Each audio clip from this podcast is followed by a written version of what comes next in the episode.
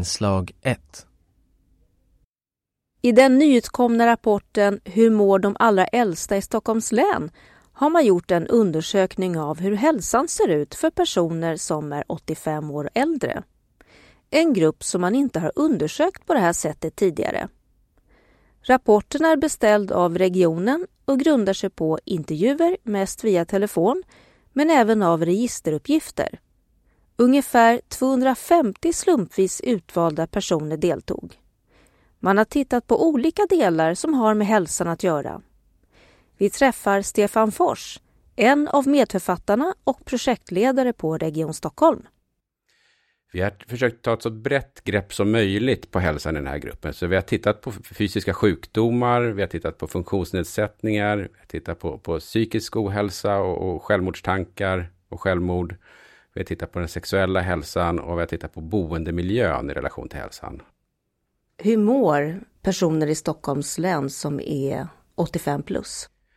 Man kan svara på den frågan på två sätt. Det ena sättet är att de mår bättre än någonsin. På de, de indikatorer som vi kan följa över tid så ser vi att hälsan blir bättre och bättre i gruppen. Men med det sagt så har de fortfarande en väldigt hög sjukdomsbörda. De flesta har åtminstone en, oftast två kroniska sjukdomar och det är också väldigt vanligt med funktionsnedsättningar.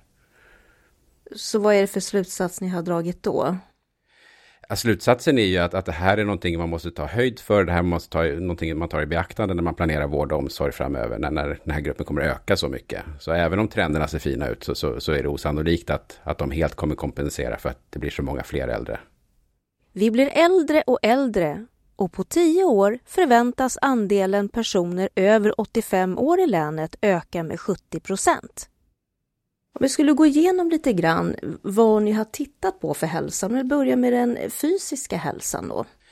Där har vi försökt titta på de fysiska hälsoproblem som, som har högst sjukdomsbörda. Så vi har tittat på, på risken att få en stroke, risken att få en hjärtinfarkt, risken att diagnostiseras med cancer. Men vi har också tittat på, på självskattad hälsa och hur man upplever sin hälsa själv. Så vi har tittat på lite olika hälsomått. Tittat på fall, tittat på demensdiagnoser. Och vad är det ni har kommit fram till där? Ja, när det gäller hjärt och kärlhälsan som är den stora drivande faktorn bakom ohälsa bland äldre så, så, ser vi att den har gått ner ganska mycket de senaste 10-20 åren. Eh, så det är en väldigt positiv utveckling. När vi tittar på cancer så, så, är det tvärtom, ser vi en svag ökning över tid. Men det vet vi inte om det beror på att vi har blivit bättre på att hitta och diagnostisera cancer eller om det faktiskt har ökat förekomsten av cancer. Och de andra måtten har vi bara vid en tidpunkt och där ser vi att det, det är en ganska stor andel som uppfattar sin hälsa som inte, inte riktigt bra. I rapporten framgår att mer än hälften behöver hjälp med vanliga dagliga sysslor som städning eller handling. Ungefär en tredjedel behöver någon form av hjälp med att sköta sin hygien eller ta sig i och upp ur sängen eller äta. De flesta har fått någon form av nedsatt fysisk förmåga men rapporten har inte tittat närmare på om man har en specifik funktionsnedsättning. I den här gruppen så eh, har ni på något sätt eh, skilt ut om man har en varaktig synnedsättning, alltså inte en synnedsättning som eh, oftast beror på stigande ålder. Nej, det har vi inte kunnat urskilja här, utan här har vi tittat på synnedsättning med en fråga egentligen. Och det är att vi har frågat personerna om de klarar av att läsa en tidning utan besvär. Med eller utan glasögon eller synhjälpmedel. Så det är den frågan vi har haft att utgå ifrån. Det här med om man har en funktionsnedsättning eller inte. Har man fått skatta den själv eller hur, har ni fått reda på siffrorna så att säga? Har man behövt ha en, en, en diagnos eller genomgått vissa operationer? Nej, utan vi har frågat, vi har, vi har mätt det på lite olika sätt, men, men, i grund och botten har vi frågat eh, aktivitet för aktivitet om man klarar av att göra det själv eller om man behöver hjälp. Och, och då, då, börjar vi med, med, med aktiviteter som har med att, att göra med att sköta hushållet, som behöver hjälp med att städa, handla mat. Och så fortsätter vi till, till, till hygien och, och eh, egenvård och, och den sista frågan är om man klarar av att äta själv eller om man behöver hjälp med att äta den stora gruppen med funktionsnedsättningar, med fysiska funktionsnedsättningar i den här gruppen är sådana som har fått det som en del av åldrandet. Men sen är det klart att det finns en grupp här som alltid har haft fysiska funktionsvariationer. Och de kan inte vi urskilja, den informationen har inte vi tyvärr. Som du säger då så mår de äldre över 85 ganska bra. Vi har ju mer eh, medicinsk kunskap. Man kanske får hjälp tidigare. Man har levt ett mer hälsosamt liv generellt än tidigare generationer. Men den psykiska hälsan, hur står det till med den? Ja, där ser det ju inte så jättebra ut om man jämför med andra grupper i samhället. Eh, männen i den här gruppen som 85 år eller de har de högsta självmordstalen i befolkningen och i den här rapporten ser vi att ungefär hälften av de som är 85 år och äldre som har deltagit i studien har någon form av risk för depression. Så, så att det är ganska vanligt med, med psykiska besvär i den här gruppen. Så hur många självmord är det vi pratar om vi tar bland eh, män och sen kvinnor? Ja, det varierar lite mellan åren, men, men ungefär åtta självmord per 10 000 invånare bland männen och eh, knappt två per 10 000 bland kvinnorna. Så, så det är små tal, men, men det är större än i, i resten av befolkningen. Vad kan det bero på att eh, männen mår så dåligt psykiskt att de till och med vill avsluta och avsluta sina liv? Det man kan säga är ju att det här en ganska turbulent period där, där det händer ganska mycket i livet. Man kanske får kroniska diagnoser, man kanske drabbas av funktionsförluster, man förlorar partners, man förlorar personer i sin omgivning. Och allt det här vet vi ju är riskfaktorer för psykisk ohälsa. Så, så där någonstans tror jag att vi kan börja leta efter anledningar. Vad skulle man kunna göra åt det här? Det man kan säga är ju att, att vi ser ju att den ungefär hälften av personerna här är i risk för depression. Och så vanligt är det ju inte med, med depressionsdiagnoser. Vilket, och det pekar ju på att det kan vara en, en ganska stort mörkertal här. Som, som, om vården kunde vara mer uppmärksam på det och om personer i omgivningen kunde vara mer uppmärksam på det. Då skulle vi kanske kunna få fler personer som fick diagnoser och fler personer som fick behandling för de här besvären. Gäller det här även kvinnor? De har också en hög risk för, för psykisk ohälsa. De har inte lika höga självmordstal generellt sett så ligger ju kvinnor högre både när det gäller depression och ångest. Och det gör de i de flesta åldersgrupper och det gör de även i den här åldersgruppen. Ni har också tittat på en fråga om sexuell hälsa. Då börjar med frågan, vad är sexuell hälsa? Ja, sexuell hälsa är, är egentligen allt som handlar om det, det, sexuella samlivet. Och inte bara samlivet utan även den, den sexuella relationen man har med sig själv. Vad är det ni har sett där?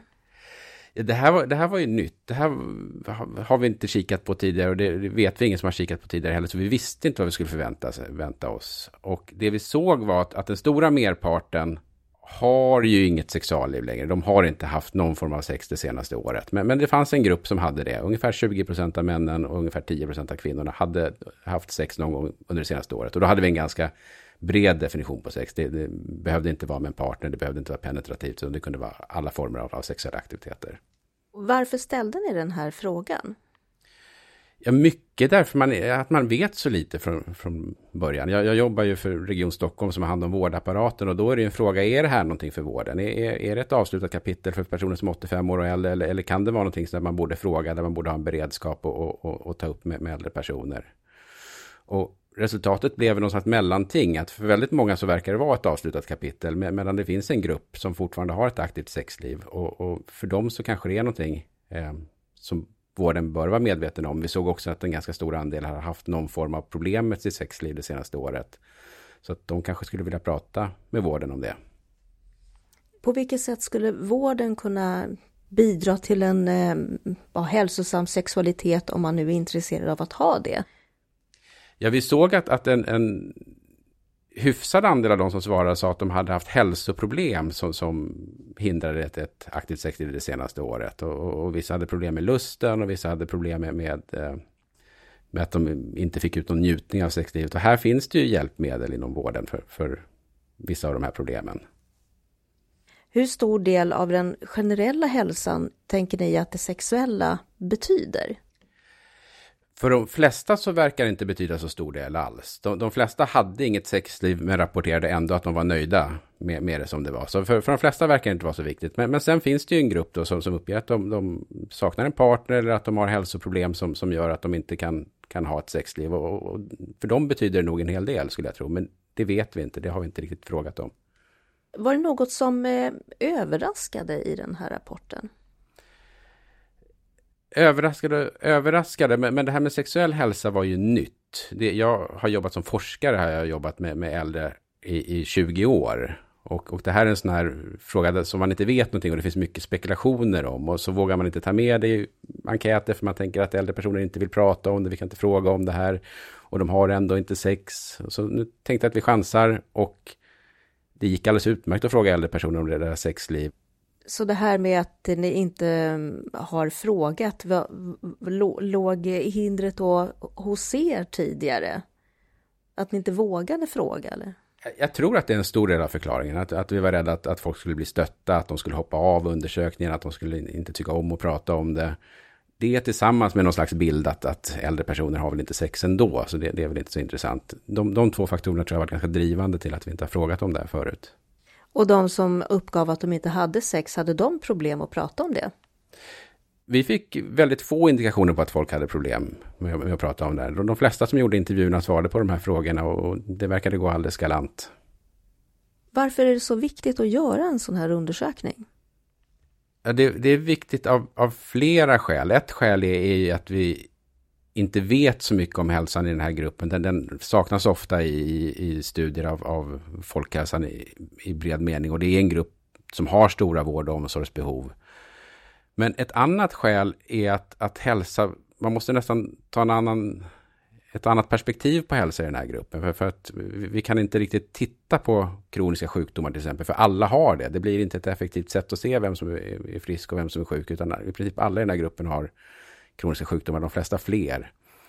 Och då menar vi i den här rapporten att, att det, det som är vik, kanske viktigast, det är klart att man ska förebygga och behandla sjukdomar när man kan, men det som kanske är viktigast för den här gruppen det är att upprätthålla funktionen och upprätthålla liksom, sociala relationer och möjligheten att göra det man vill och vara autonom så länge som möjligt. Så, så att vi vill verkligen trycka på det här med, med att, att vi bör ha en vård och en, en social omsorg som, som kan kompensera för funktionsnedsättningar och, och se till så att man inte hamnar i ett socialt utanförskap. Eller, eller blir väldigt ensam om man nu har de här funktionsnedsättningarna. När du säger att bevara funktion, hur då? Det är jag fel person att svara på, men, men jag tror att det ser ut på väldigt olika sätt. Om man har synnedsättning då kan det handla om ledsagning, kan det handla om sådana saker. Ungefär 30 procent av de vi har intervjuat har, har nedsatt kognition till den grad att man kan misstänka demens eller en demensdiagnos. Och då kan det vara, vara ganska ganska omfattande insatser som kan behövas för att man ska kunna upprätthålla sociala relationer. Så då, då, då kan till exempel särskilt boende vara en sån insats där, som kan hjälpa med det. Så det kan se väldigt olika ut beroende på behoven. Det dras ner resurser både på ledsagning, eh, personer som kanske skulle komma till ett äldreboende får bo i högre utsträckning hemma med hemtjänst, vilket är ett billigare alternativ folk kanske äldre behöver insatser som, som det inte finns möjlighet till. Vad ska regionen med detta till? Vårt mål är ju att det ska fungera som ett inlägg, inlägg i den diskussionen. Alltså, nu har vi, de närmsta tio åren så kommer den här gruppen öka med 70 procent. Hur ska vi möta det? Hur kan vi använda de resurser vi har inom vården, inom den sociala omsorgen? Vad kan civilsamhället göra? Det här är en diskussion som vi måste ha. Och vi hoppas att den här rapporten kan vara ett slags underlag för den diskussionen. När du säger civilsamhället, eh, tänker du på frivilligorganisationer? Ja, både frivilligorganisationer och, och även informella relationer, familjerelationer, vänskapsrelationer. Vilket ansvar, vilket ansvar tar vilka parter? Det här ser olika ut i olika samhällen och olika perioder och det, det är nog någonting vi bör diskutera. Men I många andra länder, framförallt söderöver, så tar ju kanske familj mer hand om, om eh, sina anhöriga. Det kanske inte finns samma stöttning i samhället. Är, är det här någonting som Sverige ska gå till så regionerna, ja de behöver ju ofta spara pengar, eller gör det i alla fall? Redan idag så, så sker ju en stor del av den omsorgen av äldre personer som sker sköts ju av, av informella omsorgsgivare. Det, det, är partners och det är barn och så. Och det bör också lyftas. Alla de här liksom, delarna behöver vi nog lyfta upp på bordet och diskutera. Vad, vad vill vi egentligen? Och det, det ska inte jag svara på. Det kan inte den här rapporten svara på. Utan det är någonting som vi måste bestämma tillsammans. Vad vill samhället för de äldre äldre? Ja, det, det är frågan. Det här sa Stefan Fors projektledare på Region Stockholm. Vill du läsa rapporten som alltså heter Hur mår de allra äldsta i Stockholms län? så finns den på regionens hemsida och ligger under nyheter.